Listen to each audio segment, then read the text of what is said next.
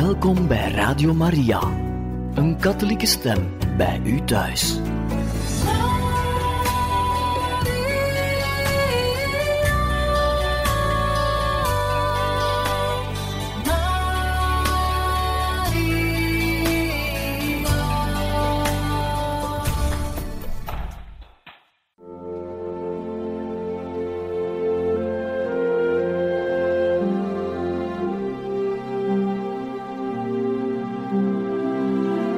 Beste luisteraars van Radio Maria, welkom bij het programma Catechismus. Een overweging bij de geloofschat van de kerk.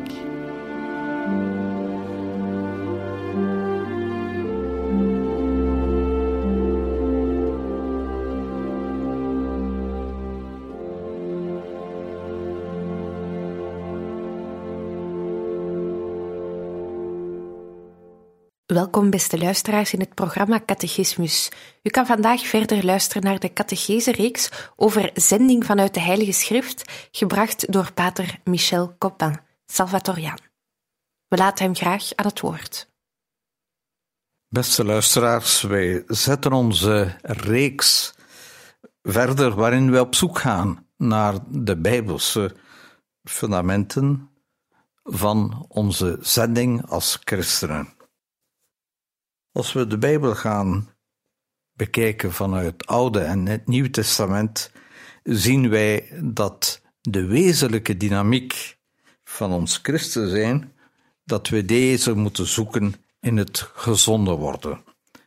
We zagen het bij de aartsvaders, bij koning David, bij de profeten, en we zijn nu bezig met de zending te bekijken zoals die ook geschied is in het leven van Jezus en meer bepaald in de leidersverhalen. We willen deze uitzending beginnen met een gebed. Ook de mens van God is geen harde stalen held, de spot der schijnheiligen, de beschimping der schamp schampere geesten, de geestel van de verdachtmaking, de soldaten van doen en niet denken, krijg je wel door de knieën. Een kruis van lijden, een kroon van eenzaamheid en een mantel van afgeschreven zijn, krijgen je wel op de grond. De foltering van de mensen die je in je liefde omsluit, maar voor wie je in de weg loopt, kan de kracht van je hart doen begeven. De mens van God kan vallen en toch weer opstaan, mag strompelend verder gaan. Heer, begeleid ons in ons leven, in een leven van vallen en opstaan, van soms bespot te worden, omwille van uw naam, omwille van uw zending. Ook wij willen jou navolgen willen in de voetsporen stappen van jouw zending. Je hebt er je leven voor gegeven. Zijn wij bereid ook zo ver te gaan? Beste vrienden, we zijn bezig met het leidersverhaal van Jezus en hoe meer dat ik er mee bezig ben en het mediteer, hoe meer elementen ik terugvind die de zending van Jezus aan bod laten komen. Ik weet niet of het verbeelding is, maar mijn zoeken is altijd een zoeken waarbij ik de Heer bid dat Hij mij duidelijkheid zou laten zien, duidelijk zou laten zien waaruit zijn zending bestaat en waarom Hij ook zijn leven heeft gegeven. En het wordt mij steeds duidelijk dat Jezus zijn leven geeft omwille van zijn zending die hij van de Vader ontvangen heeft.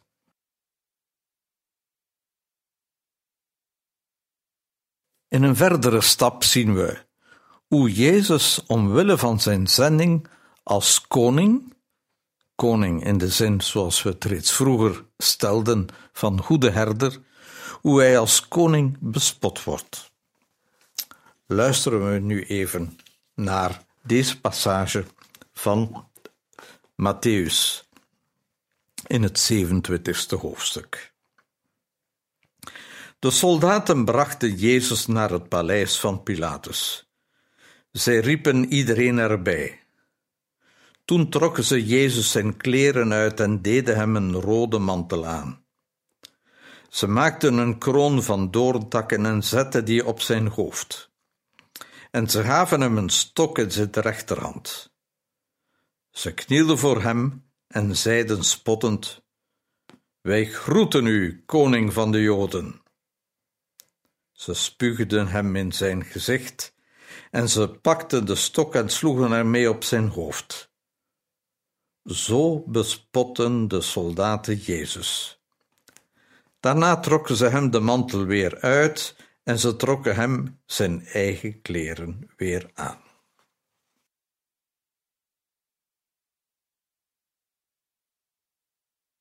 We zien hier duidelijk in deze passage dat Jezus zijn zending verkeerd begrepen wordt. Het is geen zending van een koning die streeft naar macht, maar een zending die liefde wil naar voren brengen. De zending zal steeds op een grotere portie onbegrip moeten rekenen. En dat zien we ook hier bij de soldaten. Hiervan getuigt Jezus reeds heel concreet. De wijn die hij moet drinken heeft een bittere smaak.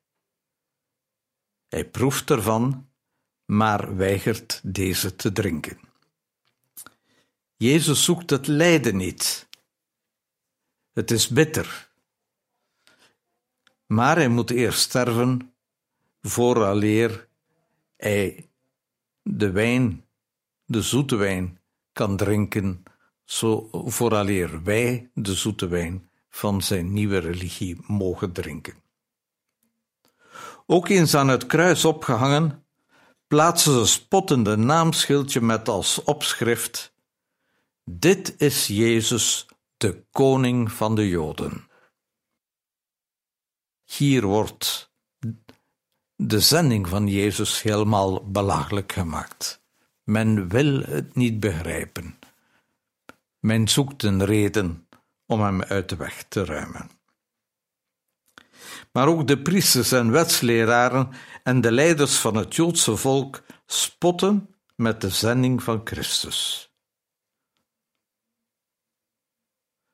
Willen zelfs, zij vragen hem: Wat voor een koning van Israël ben je wel? En daar denken ze ook: een koning die alleen hun belangen moet verdedigen, die alleen ervoor moet zorgen dat zij het Romeinse juk niet meer moeten ondergaan en dat ze hun posities en hun privileges kunnen behouden. Bij Matthäus lezen we het weer verder. De mensen die voorbij kwamen lachten Jezus uit. Ze schudden spottend hun hoofd en riepen: Daar hangt de man die de tempel wilde afbreken en die binnen drie dagen een nieuwe wilde opbouwen. Red jezelf als je de zoon van God bent. Kom dan van dat kruis af.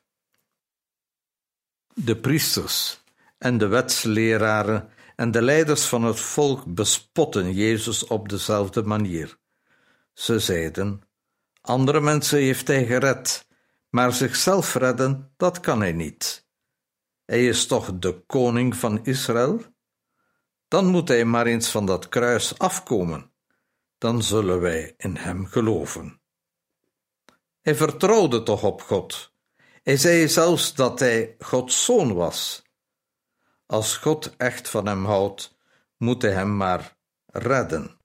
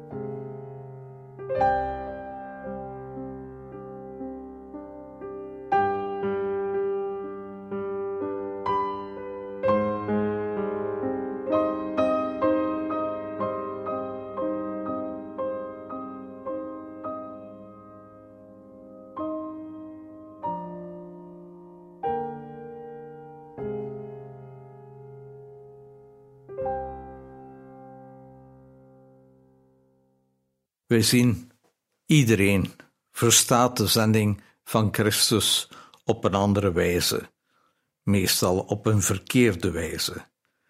Het moet om macht gaan. Ze hebben in Jezus een machtige gezien die eigenlijk hun wensen zou moeten tegemoetkomen, veel eer dan de wensen van zijn vader. Maar Jezus blijft zijn vader trouw.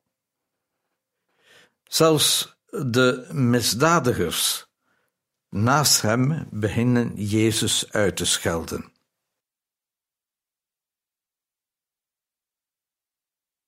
Ook de twee misdadigers die naast Jezus aan het huis, kruis hingen, begonnen hem uit te schelden. Ook zij zijn van de partij. Ook zij willen aanvankelijk niet begrijpen waar het over gaat. Maar een van hen erkent zijn fouten en gelooft in de goedheid van Jezus. Hij vraagt aan hem hem te gedenken wanneer hij koning in de hemel zal zijn.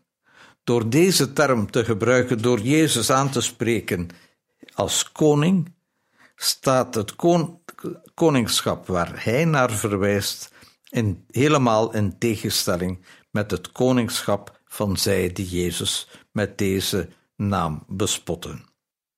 Hij erkent de zending van Christus. Hij erkent dat Christus een koning als goede herder wil zijn.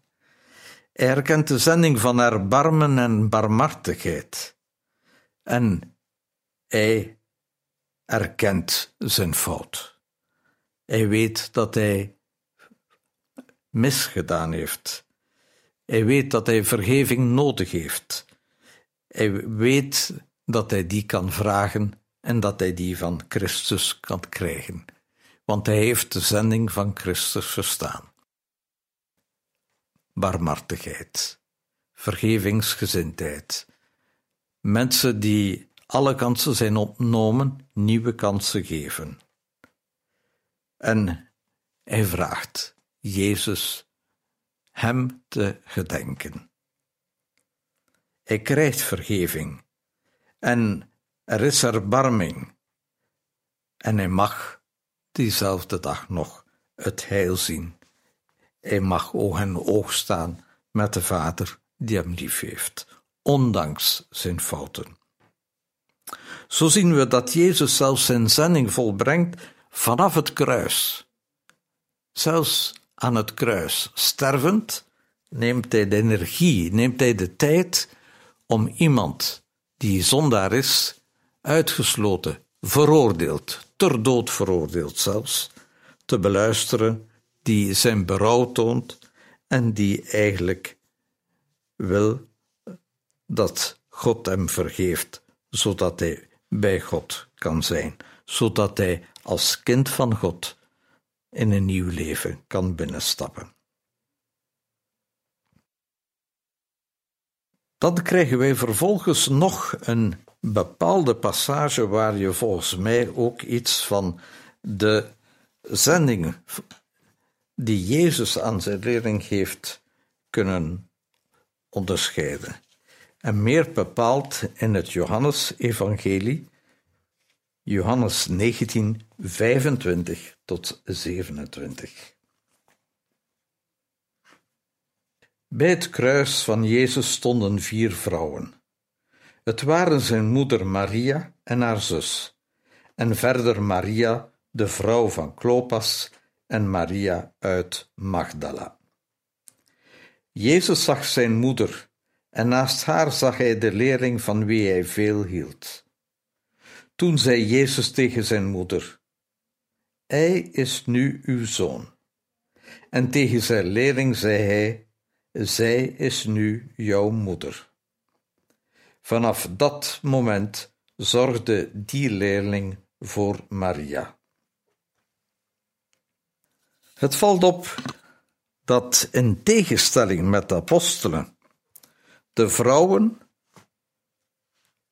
die Jezus navolgden, dat zij en ook zijn moeder niet gevlucht zijn.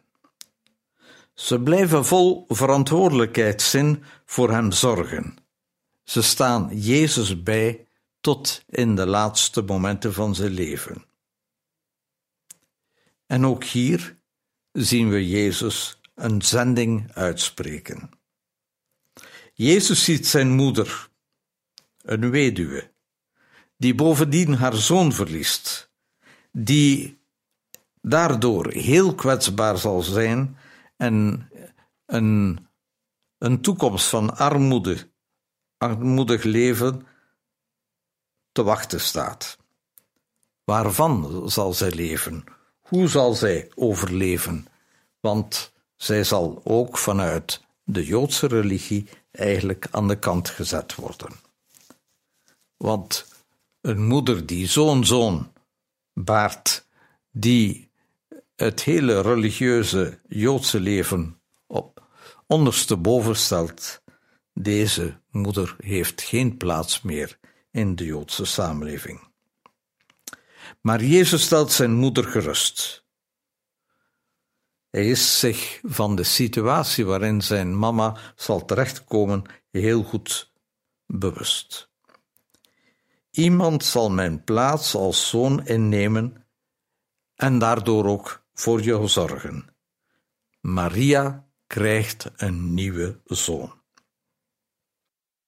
Met het sterven van Jezus verliest Maria haar laatste houvast binnen de Joodse samenleving. Jezus doorziet dit en schenkt haar een nieuwe zoon in de figuur van de apostel van zijn leerling Johannes. En die gezonde zoon krijgt op zijn beurt ook een moeder, waardoor hij de opdracht krijgt om voor haar te zorgen. Doordat Maria nu moeder wordt van Johannes, is Johannes verplicht om voor zijn nieuwe moeder zorg te dragen. En daarmee krijgt de zending van Christus een vervolg. Hij roept op gemeenschappen te vormen van mensen die voor elkaar zorgen. En zo komen wij bij de passage waarin we zien dat Jezus aan het kruis sterft. Jezus wist dat zijn zending nu helemaal klaar was. Hij had alles gezegd en gedaan wat er gezegd en gedaan hoefde te worden. Een laatste uitspraak nog. Ik heb dorst. Wanneer hij dat uitspreekt, verwijst hij dat hij dorst geeft naar de liefde van zijn vader. Hij maakt verschrikkelijke momenten mee. En hij vraagt zich zelfs af: Heeft de Vader dat gewild? Is dat nu mijn zending? Wordt dat nu het einde van mijn leven? Waar is de liefdevolle betrokkenheid van de Vader tot mijn leven? Hij heeft dorst naar de liefde van de Vader. En hij krijgt zure wijn. De zure wijn is wat hem voorgesteld wordt. En waarvan hij het slachtoffer wordt, is de oude Joodse religie, die als wijn, verzuurde wijn, geen vreugde meer kan schenken aan zij die deze religie navolgen. Hij drinkt ervan. Hij wil die zure wijn wel aannemen, maar het brengt hem niet tot leven. Het verzuurt, het verbittert, het maakt het leven kapot. Zijn werk is nu klaar, maar het wordt niet aangenomen. Zijn zending dreigt bitter te eindigen. Zijn zending meer nog leidt aanvankelijk, en zo te zien met menselijke ogen, leidt naar de dood. Het oude heeft geen nieuw leven en de nieuwe wijn wordt verworpen. Het is daarom de donkerste dag in de heilsgeschiedenis van God met zijn volk. God zelf, mens geworden, in de mensenzoon, God zelf, sterft aan het kruis. Alles lijkt verloren. Het lijkt de grootste komaf, de grootste mislukking te zijn in de geschiedenis. In een volgend fragment zien we dat Jezus met een speer doorboord wordt om zeker te zijn dat hij dood is. De nog levenden moeten gedood worden. Er is geen plaats voor erbarmen.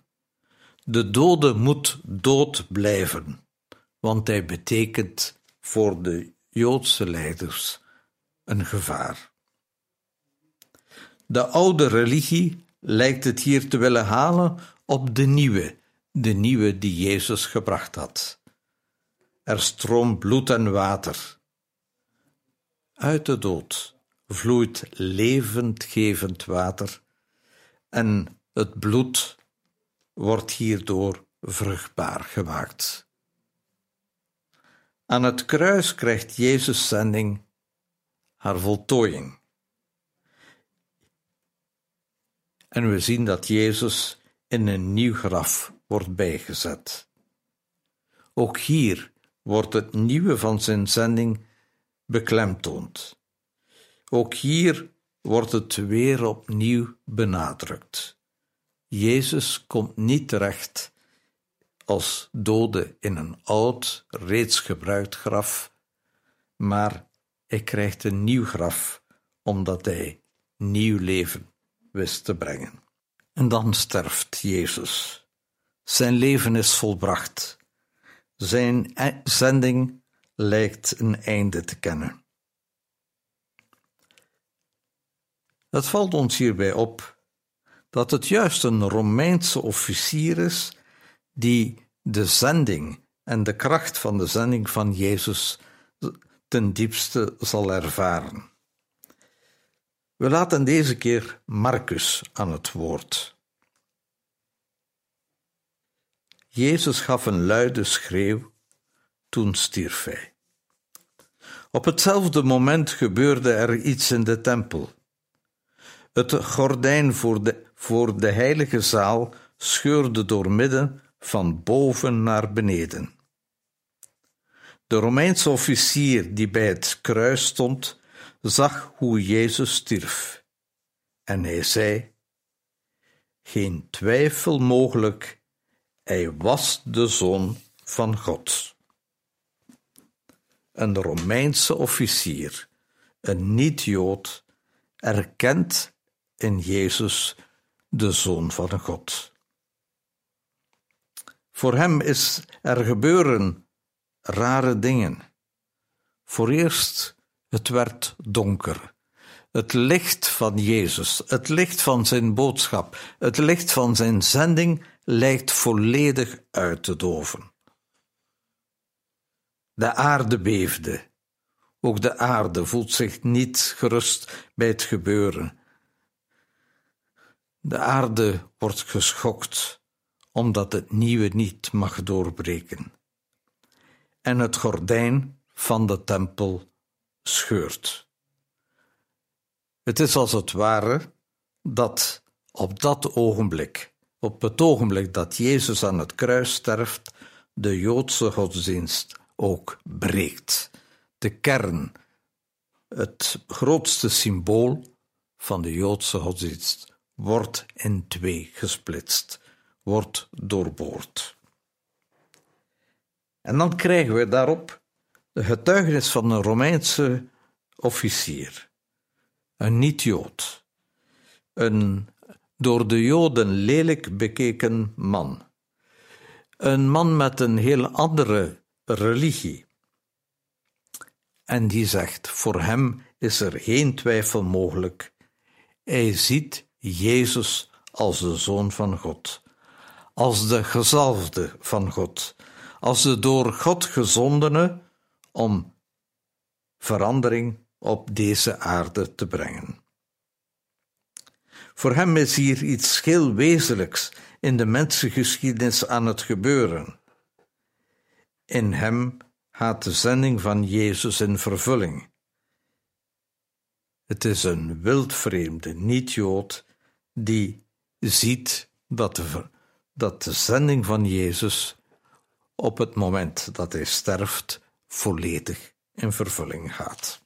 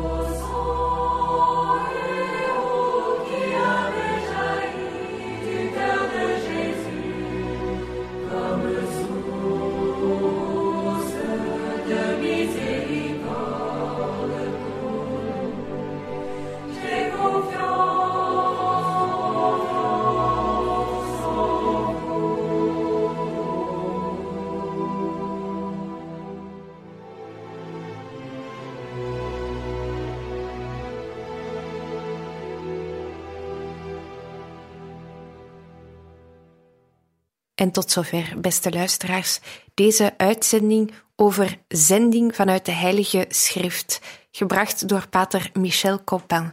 U kan deze en andere uitzendingen altijd herbeluisteren op onze website radiomaria.be. Wij wensen u nog een zeer mooie dag toe.